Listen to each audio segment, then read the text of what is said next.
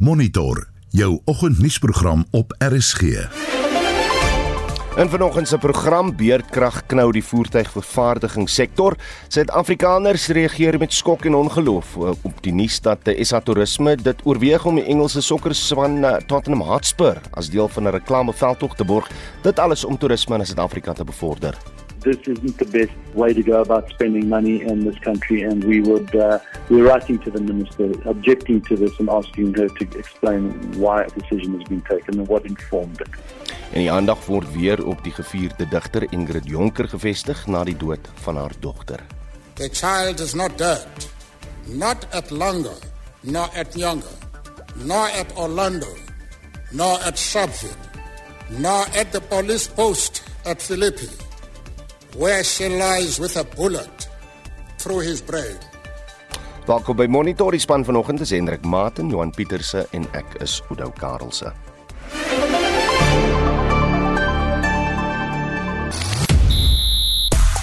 Die Proteas wen die eendagreeks teen Engeland ten spyte van 'n nederlaag in gister se derde en laaste wedstryd. Suid-Afrika se Lloyd Harris is deur na die kwart eindronde in Spanje en Manchester United bespreek hulle plek in die Liga beker eindstryd. Ek is Shaun Schuster vir RSG Sport. In sosiale media Black Business Council waarsku dat die uitwerking van die brandstofprysstygings wat gisteraand om middernag in werking getree het, 'n reuse slag vir pendelaars gaan wees. Die verkoop van nuwe voertuie het in Januarie 2023 met 4,8% jaar op jaar toegeneem en die motorhandelvereniging NAMSA sê egter dat die uh, mark onder druk is. Nou faktore wat 'n negatiewe rol speel is beerdkrag, hoë inflasie en hoë rentekoerse. daarmee saam boer brandstofpryse die afgelope jaar soms ver bo die R20 'n liter. Dit laat ons nou wonder of motoriste nou hul keuse van 'n volgende voertuig heroorweeg indien jy nou in so 'n situasie is gaan hulle afskaal na kleiner voertuie wat heelwat minder brandstof gebruik, dalk 'n elektriese voertuig of 'n motorfiets of 'n fiets om by die werk uit te kom. Jy kan eh, gerus vir ons 'n SMS stuur na 4588919 R50 per boodskap. Jy kan saampraat op ons Facebookblad of stuur vir ons 'n WhatsApp stemnota na 0765366961.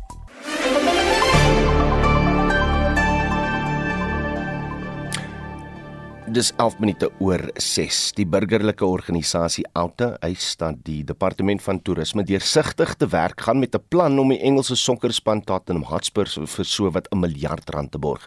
Die borgskap is deel van 'n bemarkingsveldtog van die departement.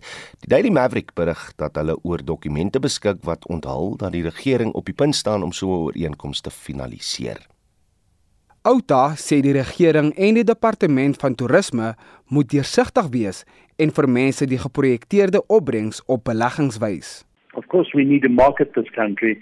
Of course we've got to bring more tourists in and if there is a a very clear and a very transparent explanation as to how they believe this billion rand will be a good return on investment. In other words, will Treasury's coffers exceed that amount in a very short space of time uh, with that investment from increased tourists to spend money on the taxes that we collect? then it doesn't make sense if they can't convince us that that is happening. we can't see how they can convince us happening because, you know, it's about 38% of SA tourism marketing spend uh, for three years in a row, three to four years in a row. Uh, nearly 40% of their marketing spend is taken up on a product which is really a small, it's a very focused market, uh, the, the, the soccer market in the UK where probably 25%, if I understand it, is which our South Coast tourism market comes from. We could do a lot better with that billion rand. So it seems to us that there are ulterior motives and that this isn't the best way to go about spending money in this country. And we would, uh, we're writing to the minister, objecting to this and asking her to explain why a decision has been taken and what informed it.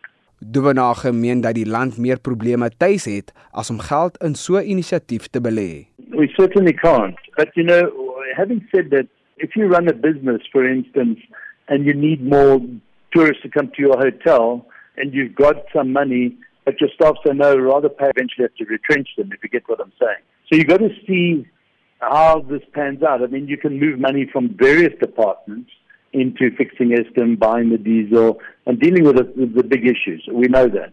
So it would seem that this billion rand being spent in tourism is one that is irrational and, and, and not in the best interest of the country, unless they can explain it, which we can't see how they will.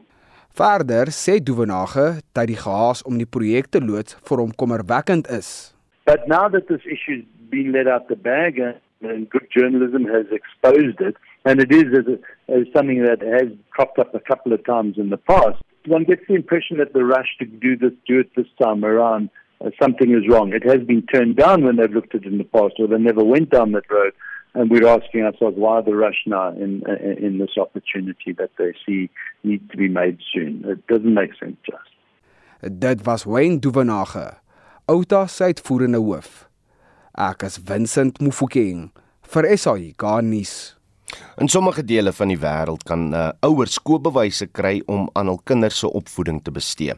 Daar is oor die jare heen gevra dat 'n soortgelyke stelsel na Suid-Afrika gebring moet word om ouers meer mag te gee om skole aanspreeklik te hou vir die verskaffing van gehalte onderrig. Vir meer hieroor praat ons nou met die hoof van die Departement Kurrikulum Studies aan die fakulteit opvoedkunde by die Universiteit uh, of aan die Universiteit Stellenbosch, professor Michael Lekodeer. Michael, goeiemôre.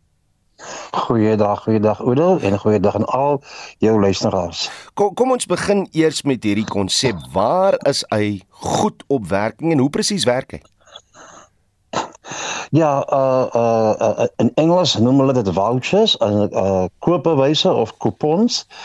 Uh wat dit beteken is dat uh enige onderwysdepartement van enige land uh sal jaarliks 'n uh, 'n som geld uh op sy sit vir onderwys. Nou in ons weet in Suid-Afrika kry onderwys die meeste fondse van ons land se begroting. As dit is by die 280 uh biljoen rand per jaar. Hmm. En en daar was al ek verskeie uh, uh oorde gevoel dat uh die die mense van Suid-Afrika nie juis waarde vir daardie geld wat natuurlik maar belastingbetalers se geld is uh sal kry nie.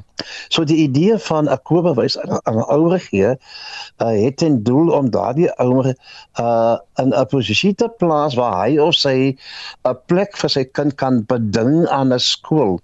Op die oomblik kom ouers by skole aan en baie ouers in ons land uh moet hulle kinders inskryf by die sogenaamde geen fooie skole. Skole. Met ander woorde, jy moet vat wat aan jou toegeken word. Jy kan nie sê maar ek wil ek, my kind by 'n skool inskryf waar ek ek het ek het nou so pas. Uh ek ek moet vandag 'n toespraak doen vir die nuwe ouers by Stellenbosch Universiteit en ek het so pas vir hulle gesê dat as jou kind 'n uh, 'n uh, 'n uh, uh, wiskunde, wetenskap, tegnologie kuns dat daai vakke aanbied, het jou kind 'n beter kans op 'n toekoms en op 'n en op 'n nasionale beurs. So as 'n kind as 'n ouer vir sy kind wil beding dat ek wil hê my kind by 'n skool inskryf wat daai vakke aan my kind gaan bied, hmm. maar ek het ek het niks in my hand nie. Waarmee beding ek? Ek kom daar aangesap kale hande en dan staan daar langs my 'n ander ouer wat uh, uh, uh, wat wat sê ek is bereid om soveel geld te betaal vir hierdie skool vir jou. Die kupon maak die speelveld gelyk. Met elke uh, kind uh, ontvang 'n som geld van die onderwysdepartement. Uh Kom ek gee vir 'n een, eenvoudige voorbeeld. Die onderwysdepartement sal byvoorbeeld aan 'n skool toegedig sê 2 miljoen rand. Dit is die fondse wat jy moet aanwend vir om jou skool van die jaar te bestuur. Daai fondse moet vir tot voordeel van elke kind aangewend word. Maar ons weet dat by baie skole word hier fondse wanbestuur en baie van daai fondse kom nooit by ons kinders uit nie. Van ons kinders se skole het nou nog nie eens 'n 'n netbalveld of 'n sokker geld nie en tog ontvang die skool fondse van die onderwysdepartement. As jy die as jy dis daai 2 miljoen vat en jy verdeel dit deur die 500 kinders van die skool mm en elke ouer kan daar staan en sê ek het 'n 100 000 rand in my hand en ek en ek verlang dat met hierdie geld met die volgende goed aan hierdie skool gedoen word. Daar moet boeke vir my van my kind se kinders wees. Daar moet 'n veilige klaskamer wees.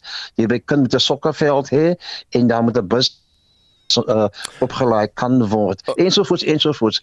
So dit dit, dit bemagtig net ons ouers Michael as, as ek mag vra hierdie stelsel gaan net binne openbare skole werk of gaan 'n samewerking wees tussen openbare skole en en sogenaamde privaat skole of of onafhanklike skole Kyk op die oomblik uh, uh, uh, uh kyk ons hierso net na die openbare skole. Jou privaat skole uh by implikasie werk hulle reeds met 'n koopbewysstelsel want elke ouer kyk 'n privaat skool sê dood eenvoudig dat die klasgelde aan hierdie skool is R60000 per jaar, so jy weet jy betaal R5000 'n maand. Hmm. Openbare skole, die meeste openbare skole het nie daardie selfde situasie nie en ouers uh sal hulle kind by 'n skool inskryf in die hoop dat dat die fondse wat die regering aan die skool toestaan wel tot die voordeel van elke kind aangewend word en ons weet dit gebeur glad nie by ons skole nie. Okay. Nou, vertel net bietjie meer want ek weet as 'n publiek-private vennootskap wat tans in verskeie gratis skole in die Wes-Kaap en en Oos-Kaap getoets word.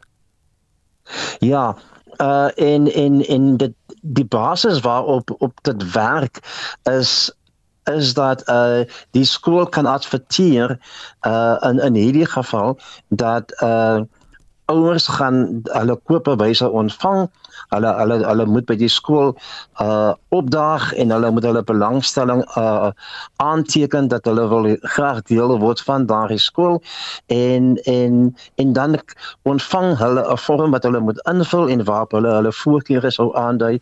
En dan moet hulle ook 'n aanduiding gee van hoe dink hulle hoe en ek ek kan nie nou dink hoeveel die som geld is nie maar hoe dink hulle moet daardie geld wat op daai koopbewys aangedui word binne die skool aangewend word en dan word daar die die loop van die jaar gereelde vergaderings gehou tussen die skoolbestuur en die ouers. En en by daardie ouers vergadering word daar verslag gedoen. Hmm. ouers kan hulle insette gee hulle kan hulle misnote ken gee as dinge nie verloop soos hulle dit, dit wou gehad het nie. En hulle kan nuwe voorstelle maak en hulle kan 'n nuwe rigting aandui vir hierdie skool. So jou ouers is baie meer betrokke. Hulle is baie meer ingeskakel by wat by die skool gebeur. Hmm. en ek dink daardie medeverantwoordelikheid hou nie net die personeel van die skool op hulle tone nie, maar dit hou ook die ouers op hulle tone want ouers is aan die einde van die dag medeverantwoordelik vir die kind se opvoeding. En dit was professor Michael Lekordier, die hoof van die departement kurrikulumstudies aan die fakulteit opvoedkunde by die Universiteit Stellenbosch. Die ekonomiese klimaat is moeilik en almal sukkel om skuld af te betaal. 'n Situasie wat tans deur krediteure uitgebuit word met talle verbruikers wat gebuk gaan onder loonbeslagbevele. 'n uh, Senior prokureur en dosent aan die Universiteit Stellenbosch se regskliniek, Dr. Stefan van der Merwe, sê egter wysigings aan die wetgewing kan verbruikers met skuld wat met skuld sit beskerm. Stefan, goeiemôre. Môre. As ons kyk na wat hierdie oneerlike krediteure doen, hoe, hoe misbruik hulle die stelsel? Dan moet jy weet uh, of of uh, as ek dit so verduidelik wat uh, die situasie is is dat ons nou reeds vir 'n geruime aantal jare is daar heelwat misbruik wat plaasvind op die front van uh, besoldigingsbeslagleggingsbevele. Ons is wat die um, dit maar redelik bekend staan as garnishing orders. Hmm. So wat uh, gebeur met hierdie besoldigingsbeslaggingsbevele is dat eh, 'n uh, krediteur kan 'n vonnis kry en dan kan hy daardie vonnis, daai siviele vonnis afdwing teen die debiteur deur middel van hierdie aftrekking teen die debiteur se salaris. Ja, en wat nou wat hierdie loop van baie jare gebeur het is dat die wetgewing uh, wat daardie situasie reël uh, nie behoorlik voorsiening maak daarvoor om die debiteur te beskerm teen daardie aftrekkings van sy salaris nie. Uh, so wat dan gebeur is dat daar word te veel geld afgetrek en ook deur die loop van van baie jare waarin hierdie hierdie bevel ingestel is word daar nou meer geld afgetrek van die debiteur ja. as wat daar uh, wettig behoort afgetrek word. So so hoe moet die, die wetgewing dan gewysig word? En hoekom is daar tans nie sulke beskerming nie? Ja, weet jy daar's um die die wet is gewysig in 2018 en so daar's baie ouens wat veel van sê nee maar die situasie is uitsorteer weens die wet die wysiging in 2018 waar die navorsing nou egter getoon het is dat dit is nie die geval dat die dat die wet behoorlik gewysig is. So terwyl daar sekere wysigings aangebring is om debiteure te help, is dit totaal onvoldoende nog op hierdie stadium. So as ek vir een voorbeeld gee wat die die wetswysiging nou uh betref of wat behels dit is dat daar nou 'n beperking ingestel word op die die omvang van die aftrekking. Um arbeidstaker kan slegs 25% afgetrek word van 'n persoon se salaris, maar daardie beperking tel slegs wanneer die bevel ingestel word. Hmm. So daar's geen proses wanneer wanneer nadat daardie bevel ingestel is wat dit gemonitor word oor die lang termyn nie. So wat jy nou kry is dat dat uh, 'n uh, krediteur kan gaan en hy kan 'n bevel kry. Daai bevel word beperk tot 50%, maar hou eenvoudig die die bevel in stand jare nadat die bedrag selfs afgetrek is. So wat ons nodig het om te doen is dat ons dis nodig dat daar verdere wetswysigings plaasvind in terme waarvan daar oor die lang termyn nou gemonitor word dat dat as 'n persoon kom ons sê argument is alweer R1000 skuld of R10000 skuld dat daar nie aftrekkings plaasvind nadat daardie 1000 en die die die regmatige rente wat natuurlik daarop gehef kan word uh, dan nou reeds verhaal word nie. En dit was uh, Dr. Stefan van der Merwe senior prokureur en dosent aan die Universiteit Stellenbosch se regskliniek. Die kunsmatige intelligensieprogram ChatGPT maak sedert sy bekendstelling in November verlede jaar opslaa reg oor die wêreld. Skielik kon mense self met hulle eie oë sien hoe so 'n kunsmatige intelligensie lyk en funksioneer. En sommige mense het uh, geskrik want dit blyk ChatGPT kan hulle werk ewe goed doen. Om 'n bietjie lig daarop te werp, praat ons nou met die voorsitter van die rekenaar uh, denke vir kunsmatige intelligensie by die skool vir datawetenskap en rekenaar uh, denke aan die Universiteit Stellenbosch professor Bruce Watson. Bruce, goeiemôre. Good morning. Thanks very much. Uh, eerstens vir, vir mense wat nou glad nie 'n begrip het vir wat ChatGPT is nie. Wat presies is dit? Yeah, so uh, apologies for doing this in English, but uh, I trust people will follow me. Um, the first thing I should say is ChatGPT is actually just an app. Uh, it's a very, very complicated application. It's the first artificial intelligence that's broadly available to everyone. It's for free. It's not something we can install on our laptops or on our cell phones because it's so large that it needs to run on very, very large computers, but we can access it over the internet. It's something we can chat with, we can interact with. These are typed questions, and you get back your answers uh, typed back to you. And it adapts its conversation style depending on, on the, where the conversation is going. It can be used to write much more complicated things than just a couple of sentences. Mm. So you can ask it to write larger things about philosophy, for example. Dit lyk of sommige studente die blikbrein gebruik om hulle werkstukke vir hulle te doen. Ek dink nou selfs aan aan hoe hierdie program uh, bymekaar gestel word. Jy kan basies net vir uh, ChatGPT gaan vra om om hierdie onderhoud wat ek nou met jou voer bymekaar te stel. G gaan dit in die toekoms eerstens mense ontneem van werk en en tweedens is daar die moontlikheid dat ons nou plagiaat oral gaan sien. Yeah, actually, these are these are very interesting points, and I see this is exactly what scares people. I can say that I happen to be an artificial intelligence optimist, so I don't see this replacing people, replacing the kinds of jobs that we uh, that we do, but I do see that people uh, have that fear. The good news is people need to view view this as just another tool that we can use in the workplace. Um, the same way when computers were introduced first in the 1980s in many workplaces, people had to up their game and change the skill set that was needed to conduct their job. But it, in the end, it actually just enables you to do your job um, more effectively.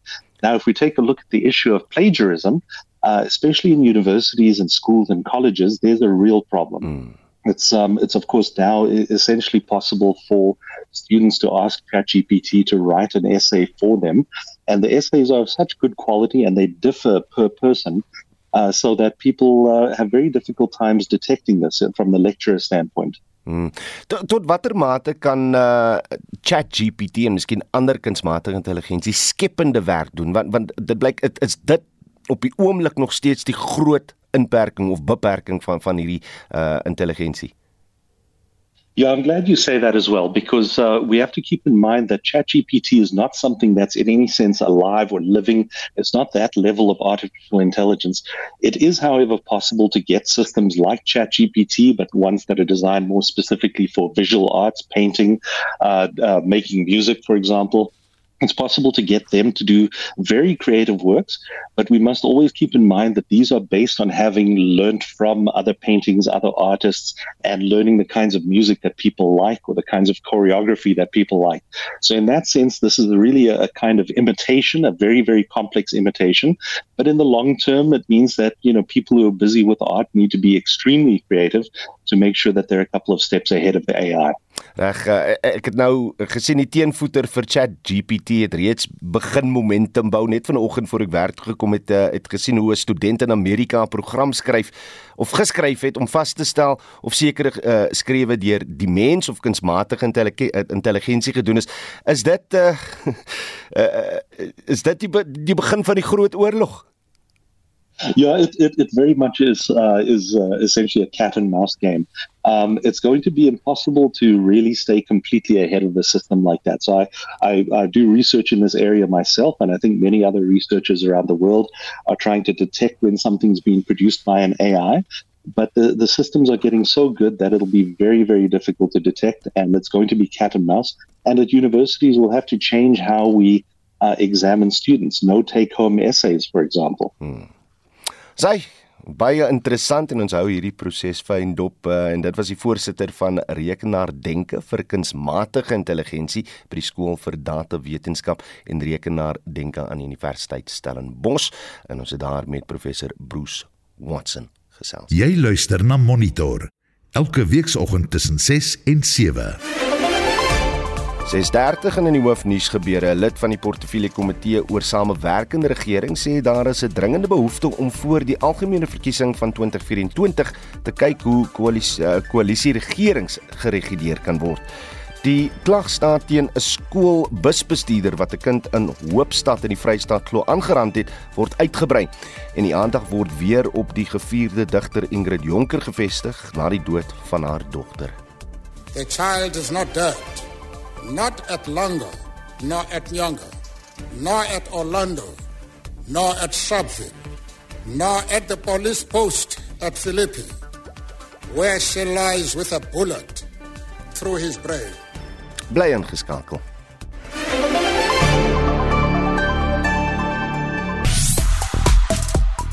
Reg die verkoop van nuwe voertuie het in Januarie 2023 met 4,8% jaar op jaar toegeneem. Die motorhandelvereniging Naamsa sê egter dat die mark onder druk is. Faktore wat 'n negatiewe rol speel is beerdkrag, hoë inflasie en hoë rentekoerse. En en dan weet ons natuurlik wat die brandstofprys tans doen. Dit laat ons wonder of motoriste nou al keuse van 'n volgende voertuig heroorweeg gaan hulle afskaal na kleiner voertuie of uh, wat heel wat minder brandstof uh, gebruik dalk 'n elektriese voertuig, motorfiets of iets om by die werk mee uit te kom. Wat sê julle daaroor? Wel op uh, Facebook sê Elise Dirksen as jy 'n Suid-Afrikaner is wat in Nieu-Seeland woon en jou geld is rand en sent, kos 'n liter brandstof jou ongeveer R280 Uh hier is nie beerkrag nie, so dan is elektriese motor dalk 'n opsie. Rex Bester sê tans 'n 1 liter sedan met fantastiese werkverrigting asook brandstof verbruik. Ek glimlag maar vir die 4x4 minibusie sê Rex, ten minste kan hulle dit as ook die brandstof bekostig. Uh Cathy Smith sê ek ry my karretjie al 21 jaar gaan beslis nie 'n nuwe een koop nie kyk wat kos karre deesdae dit is net belaglik. Reino Momberg sê eh, die kar in hy foto lyk soos my flash drive. Eintlik is my flash drive groter. Gaan kyk maar op die Facebook bladsy as jy sien een van hierdie elektriese karretjies, een van die uh, goedkoopste en uh, ja, nuutste ter wêreld. En laat ons weet wat jy daaroor dink. En William Juma sê ek sal sê die load shedding is my motor wanneer ek ry dit nou en dan en elke nou en dan slaan hy sommer af. Wat dink jy hieroor? Laat my weet. Julle SMS dit deur na 4588919 R50 per SMS. Jy kan saampraat op die Facebookblad uh, of stuur vir ons 'n WhatsApp stemnota na 0765366961.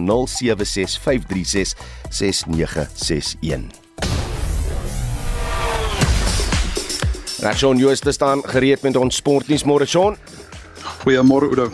Ons het nou wel teen Engeland gisteraand verloor in die reeks gewen, maar wat beteken gisteraand se nederlaag vir Protea se kans om outomaties vir die eendag wêreldbeker te kwalifiseer? Ja, soos ons vroeër in die bulletin gehoor het, die Proteas moes die knie gister met 59 lopies in die derde en laaste wedstryd in Kimberley teen Engeland buig, maar wen die reeks met 2-1. Nou Suid-Afrika het nog twee wedstryde wat voorlê teen Nederland en kan nog op 99 punte op die IKR se Superliga punte leer eindig en dan die 8ste en laaste plek vir outomatiese kwalifikasie oorneem, maar hulle moet ook natuurlik hoop dat Sri Lanka nie skoonskip in hulle opkomende eendagreeks teen Nieu-Seeland maak nie. As hy NDC 4 in al T20 reeks teen Nieu-Seeland uh Nou praat so 'n bietjie daaroor en uh, dan ons ons vroue Protea span ook vandag in aksie dan nie. Ja, in die Nieu-Seeland eh, gister in die derde en laaste wedstryd van hulle T20 reeks met 'n reuse 168 lopies verpletter en hulle palm daardie reeks met 2-1 in Indië 234 aangeteken, tot 19 sesse ingesluit en Nieu-Seeland word vir 'n skamele 66 uitgebal.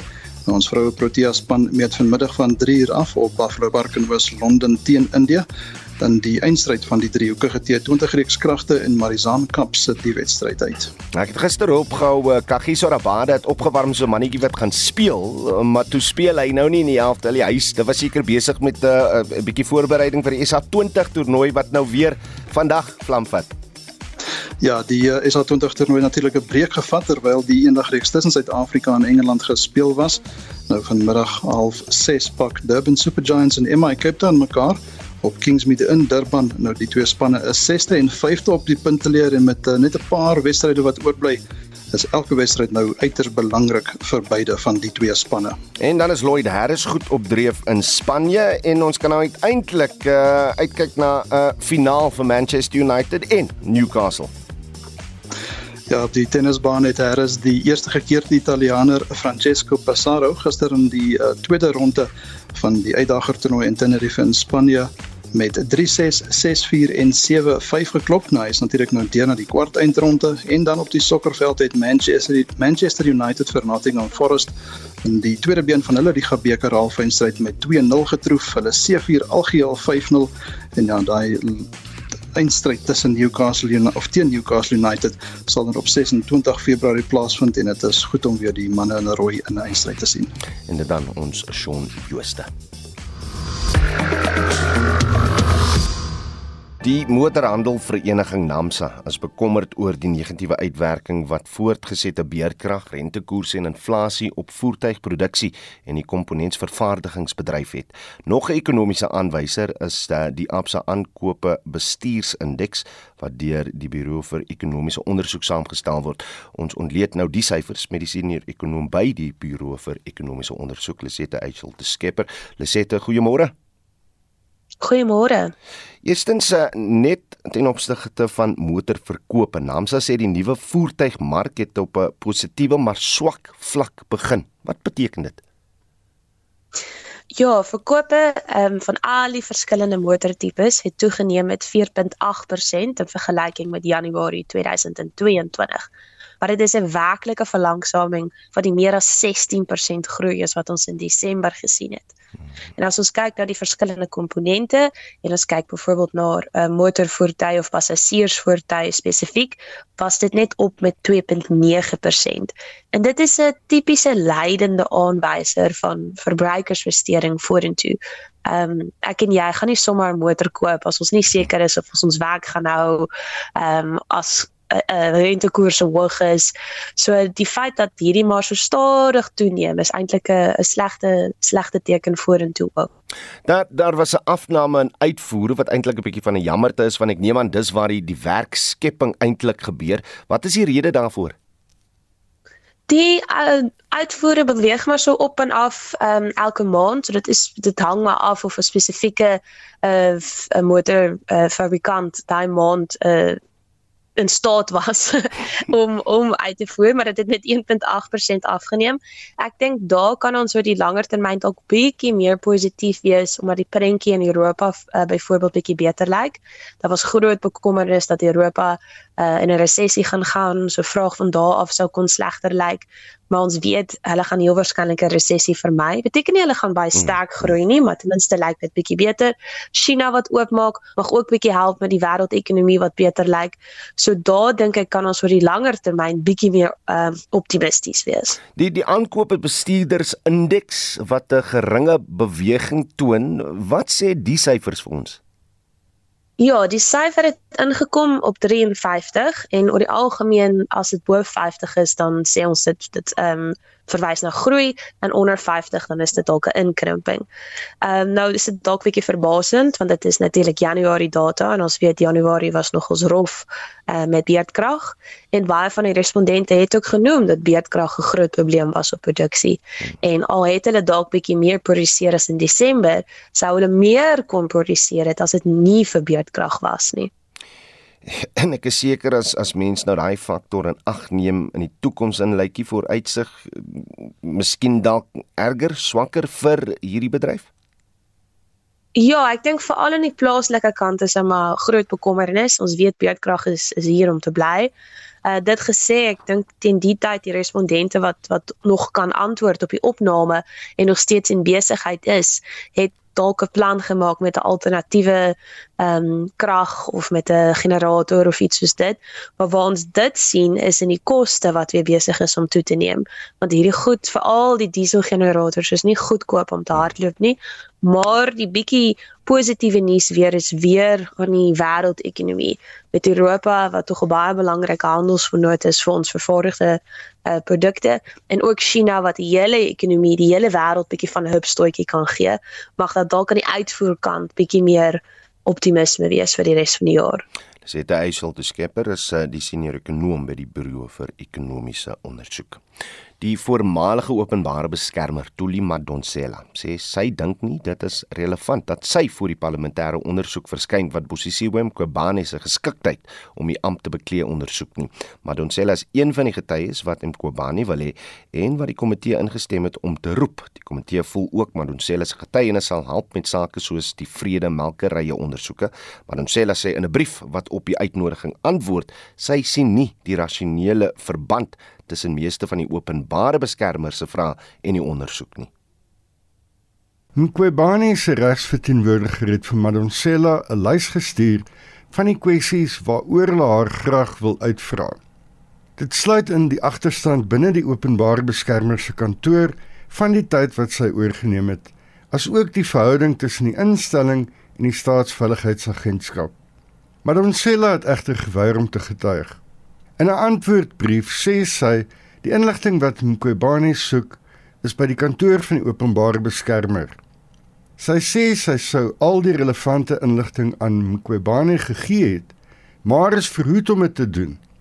Die parlementêre regsadviseur advokaat Fatima Ibrahim het die brief voorgeles.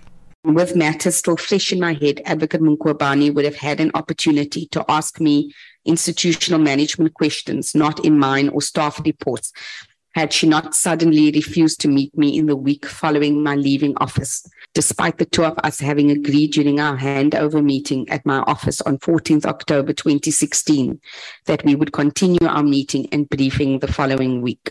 The following week, she suddenly insisted that as I was no longer in office, such was inappropriate to meet to augment my briefing with her, and that I should have done this earlier.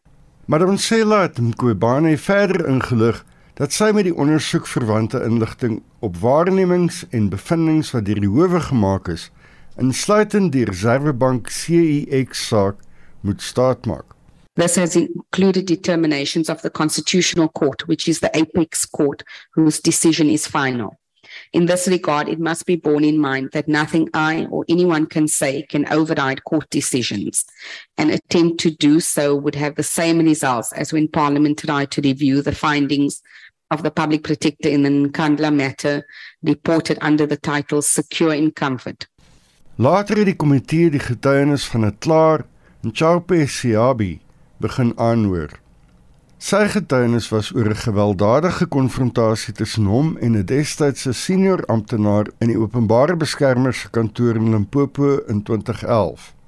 Die amptenaar, Sipelo Samuel, het vroeër tydens die verhoor teen hom Kobani getuienis gelewer en haar van wanbestuur beskuldig.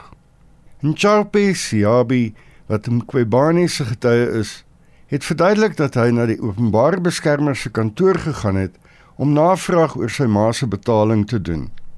CAB het deur 'n tolk gepraat en sê die amptenaar het hom beveel om sy kantoor te verlaat en toe hy weier, het Samuel hom teen 'n struktuur in die gebou gegooi en sy regterskouer ernstig seer gemaak. Kisa kere ke madinyana mole. Samuel There was a little blood there. Samuel Eshu Antopa. He picked me up, Samuel.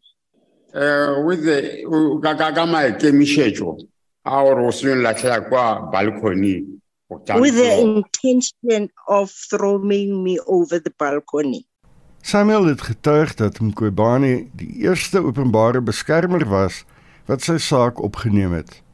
Sy het so ver gegaan as om Samuel te skors omdat hy hom aangerand het. Maar ons sê hulle aan die ander kant, sê Siabi, het probeer om Samuel te beskerm. Hierdie bydra van Joseph Musia aan die parlement en ek is Hendrik Martin vir SAK nuus. Die eerste dosyn wilde Suid-Afrikaanse jagluiperd sal teen die middel van die maand in die Kuno Nasionale Park in Indië hervestig word. Die jagluiperd is reeds in 1952 as uitgestorwe in Indië verklaar. Hierdie is dus 'n geleentheid om uh, 'n uh, bevolking van die roofdier weer daar aan die gang te kry om 'n betekenisvolle rol in na die land se ekologie te speel. Ons praat nou met professor Adrian Tondef, 'n uh, veearts en hy kundige wildspesialis van die Universiteit van Pretoria wat saam met die jagluiperds in die toets sal gaan. Adrian, goeiemôre. Good morning. Ba baie mense sal seker verras wees om te hoor dat die jagluiperd aard ook in Indië. Hoe so? Hulle oh well, me speaking English is going to be a lot easier. Um, sorry. Yeah, so they've occurred in India for thousands of years. Um, the some of the royalty in India actually kept uh, many cheetahs um, as kind of pets uh, to and use them in hunting of um, a variety of gazelles and uh, Indian blackbuck. And actually, the, the, the, word cheetah, the English word cheetah, comes from the Hindi or the Sanskrit and means speckled or spotted. Mm. So they've had a long history there, but as you've mentioned, they became extinct um, mainly due through hunting uh, uh, both of the cheetah itself and of its prey in India um, after colonialism, after the British colonialism. Ek neem aan dat hulle 'n belangrike rol speel in die ekologie.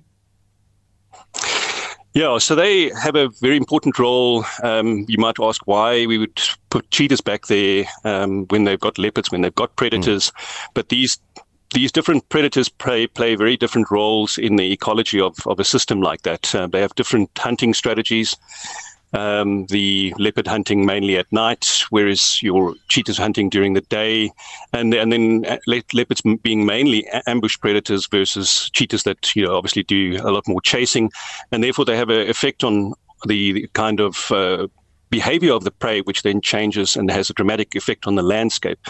And we look at um, other, other, examples of where introductions have taken place, the introduction of wolves into Yellowstone National Park, and the dramatic effect that that has had on the deer behavior and, and, the, and then ultimately downstream on even the, the watercourses in um, in Yellowstone.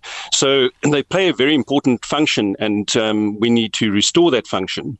But the other main reason why we want to take cheetahs back to India is because of the kind of flagship species uh, role that they can play for conservation. So uh, a lot of attention gets drawn in and money goes into the conservation efforts around the cheetah, but um, it's not, if you want to look after cheetahs, you have to provide prey for them.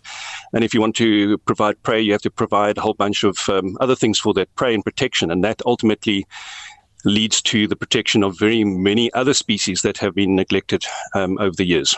Ek dink sê wat uh, ek is jy gaan ons nou saam met die jagluiperds as jy beskikbaar is aan ons dan moet ons bietjie weer gesels sodra jy julle daar aan die ander kant in Indië begin hervestig of hoe. Ja, ja. Kom ons seker. Maak, kom ons maak. So dit was professor Adrian Todef, 'n veearts en hy kundige wildspesialis aan die Universiteit van Pretoria. Ingrid Jonker, die Suid-Afrikaanse digter wie se gedig Die Kind deur president Nelson Mandela in Mei 1994 in die parlement voorgeles is, se dogter Simone Garcia Marquez is maandag op 65 jarige ouderdom aan kanker dood. Haar uitgewer Petrovna Metlerkamp sê dit was as gevolg van 'n aggressiewe ontsteking. Bietjie van 'n merwe doen verslag. The child is not dead. The child lifts his fist against his mother who shouts Africa. The child is not dead, not at Langa, nor at Nyanga, nor at Orlando, nor at Sharpeville, nor at the police post at Philippi, where she lies with a bullet through his brain. The child is present President Nelson Mandela verewig Ingrid Jonker se naam internasionaal met die voorlees van haar gedig Die Kind. Hy beskryf haar volgens die onafhanklike internasionale literêre tydskrif Tears in the Fence van Desember 2014 op 24 Mei 1994 as iemand wat ons die reg gegee het dat ons met trots kan verklaar dat ons Suid-Afrikaners, Afrikane en burgers van die wêreld is. Die skrywer Petrofna Metlerkamp het Simon Gasha Marquez in 2000 ontmoet. Omdat haar ma dood is toe Simon maar 7 jaar oud was, het sy groot geword as 'n bietjie van 'n swerwer. Sy's dadelik Johannesburg toe gestuur die dag wat haar ma ontdek is in Bantry Bay waar sy dood is en sy is ontvang deur haar pa Piet Venter en sy vrou Topsy en hulle het 'n baba gehad. Simon het daar die waarheid gehoor van wat gebeur het, alhoewel niemand tot vandag te seker is. Daar's geen bewys dat sy werklik selfmoord gepleeg het nie, al word dit oral gesê. Sy het wel verdrink. Simon het 'n dag of twee dae gebly, maar toe het hulle gedink dit is beter dat sy gestuur word na Topsy se suster, op 'n plaas in die Vrystaat dink ek, waar Simon gebly het en skool toe gegaan het. Simon het later by haar pa, Pieter Venter, in 'n woonstel in Hielbrau gaan bly Toe is sy na die kunstskool in Pretoria, toe sy standaard 6 toe is, naweek huis toe gegaan het en bietjie in die strate beland het van Hielbrau. Daar het 'n bietjie van 'n dwelmprobleem ontstaan en sy het ook weggeloop. Einde standaard 7 met 'n vriend van haar. Hulle is af Kaap toe gedink dit gaan die lieflike lewe van Clifton en die strande wees waar sy kind was, maar die meeste van die mense was toe weg Skriege was nie meer daar nie, Jack Cope was nie daar nie. Sy kon net by haar tante Anna se deur klop. Uiteindelik het haar tante haar en die vriend 2 jaar lank stikland toe gestuur weens vermoedelik dagga-verslawing. Die persoon wat vir haar baie goed was, was haar ma se halfbroer Koos Jonker. Hy het vir hulle kom kuier en hy het vir hulle naderhand vir moederfietsie gegee, soos ek onthou. In elk geval Simone het 'n baba gehad, 'n seun, sy's getroud, sy's geskei Die man met wie sy getrou het, was nie sy seun nie. Het die seun saamgeneem na Amerika en in 2000 het sy vreeslik gesoek na die kind. Later jare het hy opgeduik in Hermanus waar sy man gewoon het. Die indruk wat sy op my gemaak het van die begin af, was dat sy 'n liefdevolle, pragtige mens is. Sy was bietjie verwaarloos, maar sy het net goeie bedoelings gehad. Ek dink dit eintlik dwars deur haar lewe was dit haar bedoelings. Sy het op 'n stadium vir my baie kwaad geword as gevolg van haar ma se geskrifte en manuskripte en fotos en dagboeke wat in Portugal beland het nadat dit verkoop is aan die Hollandse digter Gerrit Komrey. Dokumente wat Metlerkamp en Simon graag wou terugkry want die verkoop was onwettig, dit is gesteel deur haar tante Anna se seun Komrey het ingestem om alles terug te gee, maar hy wou die bedrag terug hê wat hy betaal het daarvoor. Was destyds R50000. Toe ek Portugal toe gaan en sien wat daar wel is, is dit hoofsaaklik dokumente van Anna Jonker, Ingrid se suster. Lang hofsaake wat sy wil aanpak met uitgewers, min van Ingrid. En die meeste was beskikbaar vir gebruik in biografie. Ek het dit ook gebruik in die eerste boek wat ek geskryf het. Die materiaal is uiteindelik in 'n literêre museum in Den Haag uitgestal waar dit gedigitaliseer is en bewaar word. Simon was baie ongelukkig daaroor sy het gevoel dis haar erfenis en sy wil hier 'n museum open waar alles wat met haar ma te doen het bewaar kan word. Ek weet nie ver sy gekom het nie, maar sy het my baie kwaliek geneem dat ek gedink het die aanbod wat daar gestaan het dat Suid-Afrikaners sou betaal R50000 om die materiaal terug te bring, het ek gedink is nie regverdig eintlik nie. Metlerkamp is oortuig daarvan dat Ingrid Jonker se vroeë dood baie skade aan haar dogter moes gedoen het. Hulle was na aan mekaar, sy was 'n wonderlike ma vir Simon. Daar's die pragtige kindergedigte wat ons oor het daarvan waaraan Simon so vasgeklou het. Haar laaste inskrywing lyk dit vir my op haar Facebook is toe maar die donker man. Dit was natuurlik die slegste wat met 'n kind kan gebeur. Daar was nie sterk vroufigure in Simon se lewe wat vir haar liefde en versorging kon gee nie. Sy het wel in die laaste jare getrou met 'n man wat haar absoluut aanbid het, Ernesto Garcia Marquez. Dit was 'n wonderlike huwelik dink ek vir amper 10 jaar. Ek is nie seker hoe dit geëindig het nie. Ingrid Jonker lees haar gedig. Die kind is die skaduwee van die soldate, op wag met gewere, sarasene en knuppels. Die kind is teenwoordig by alle vergaderings en wetgewings. Die kind loer deur die vensters van huise en in die harte van moeders. Die kind wat net wou speel in die son by Nyangas oral.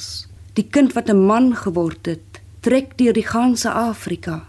Die kind wat 'n reus geword het, reis deur die hele wêreld sonder 'n pas. Stem daar van Ingrid Jonker en Annelien Moses is nou gereed met 'n kykie na wêreldnuus gebeure. Ons begin in Amerika waar 'n begrafnis gehou is vir die 29-jarige swart man Tyree Nichols wat deur 5 polisiebeamptes doodgeslaan is. Oudo ja, die polisiebeamptes was almal swart en het Nichols daarvan beskuldig dat hy roekeloos bestuur het. Hy was nie gewapen nie. Die polisiemanne word nou van moord aangekla. Die Amerikaanse visiepresident Kamala Harris het ook die begrafnisdiens in Memphis bygewoon en vir hervorming in die polisiediens gevra.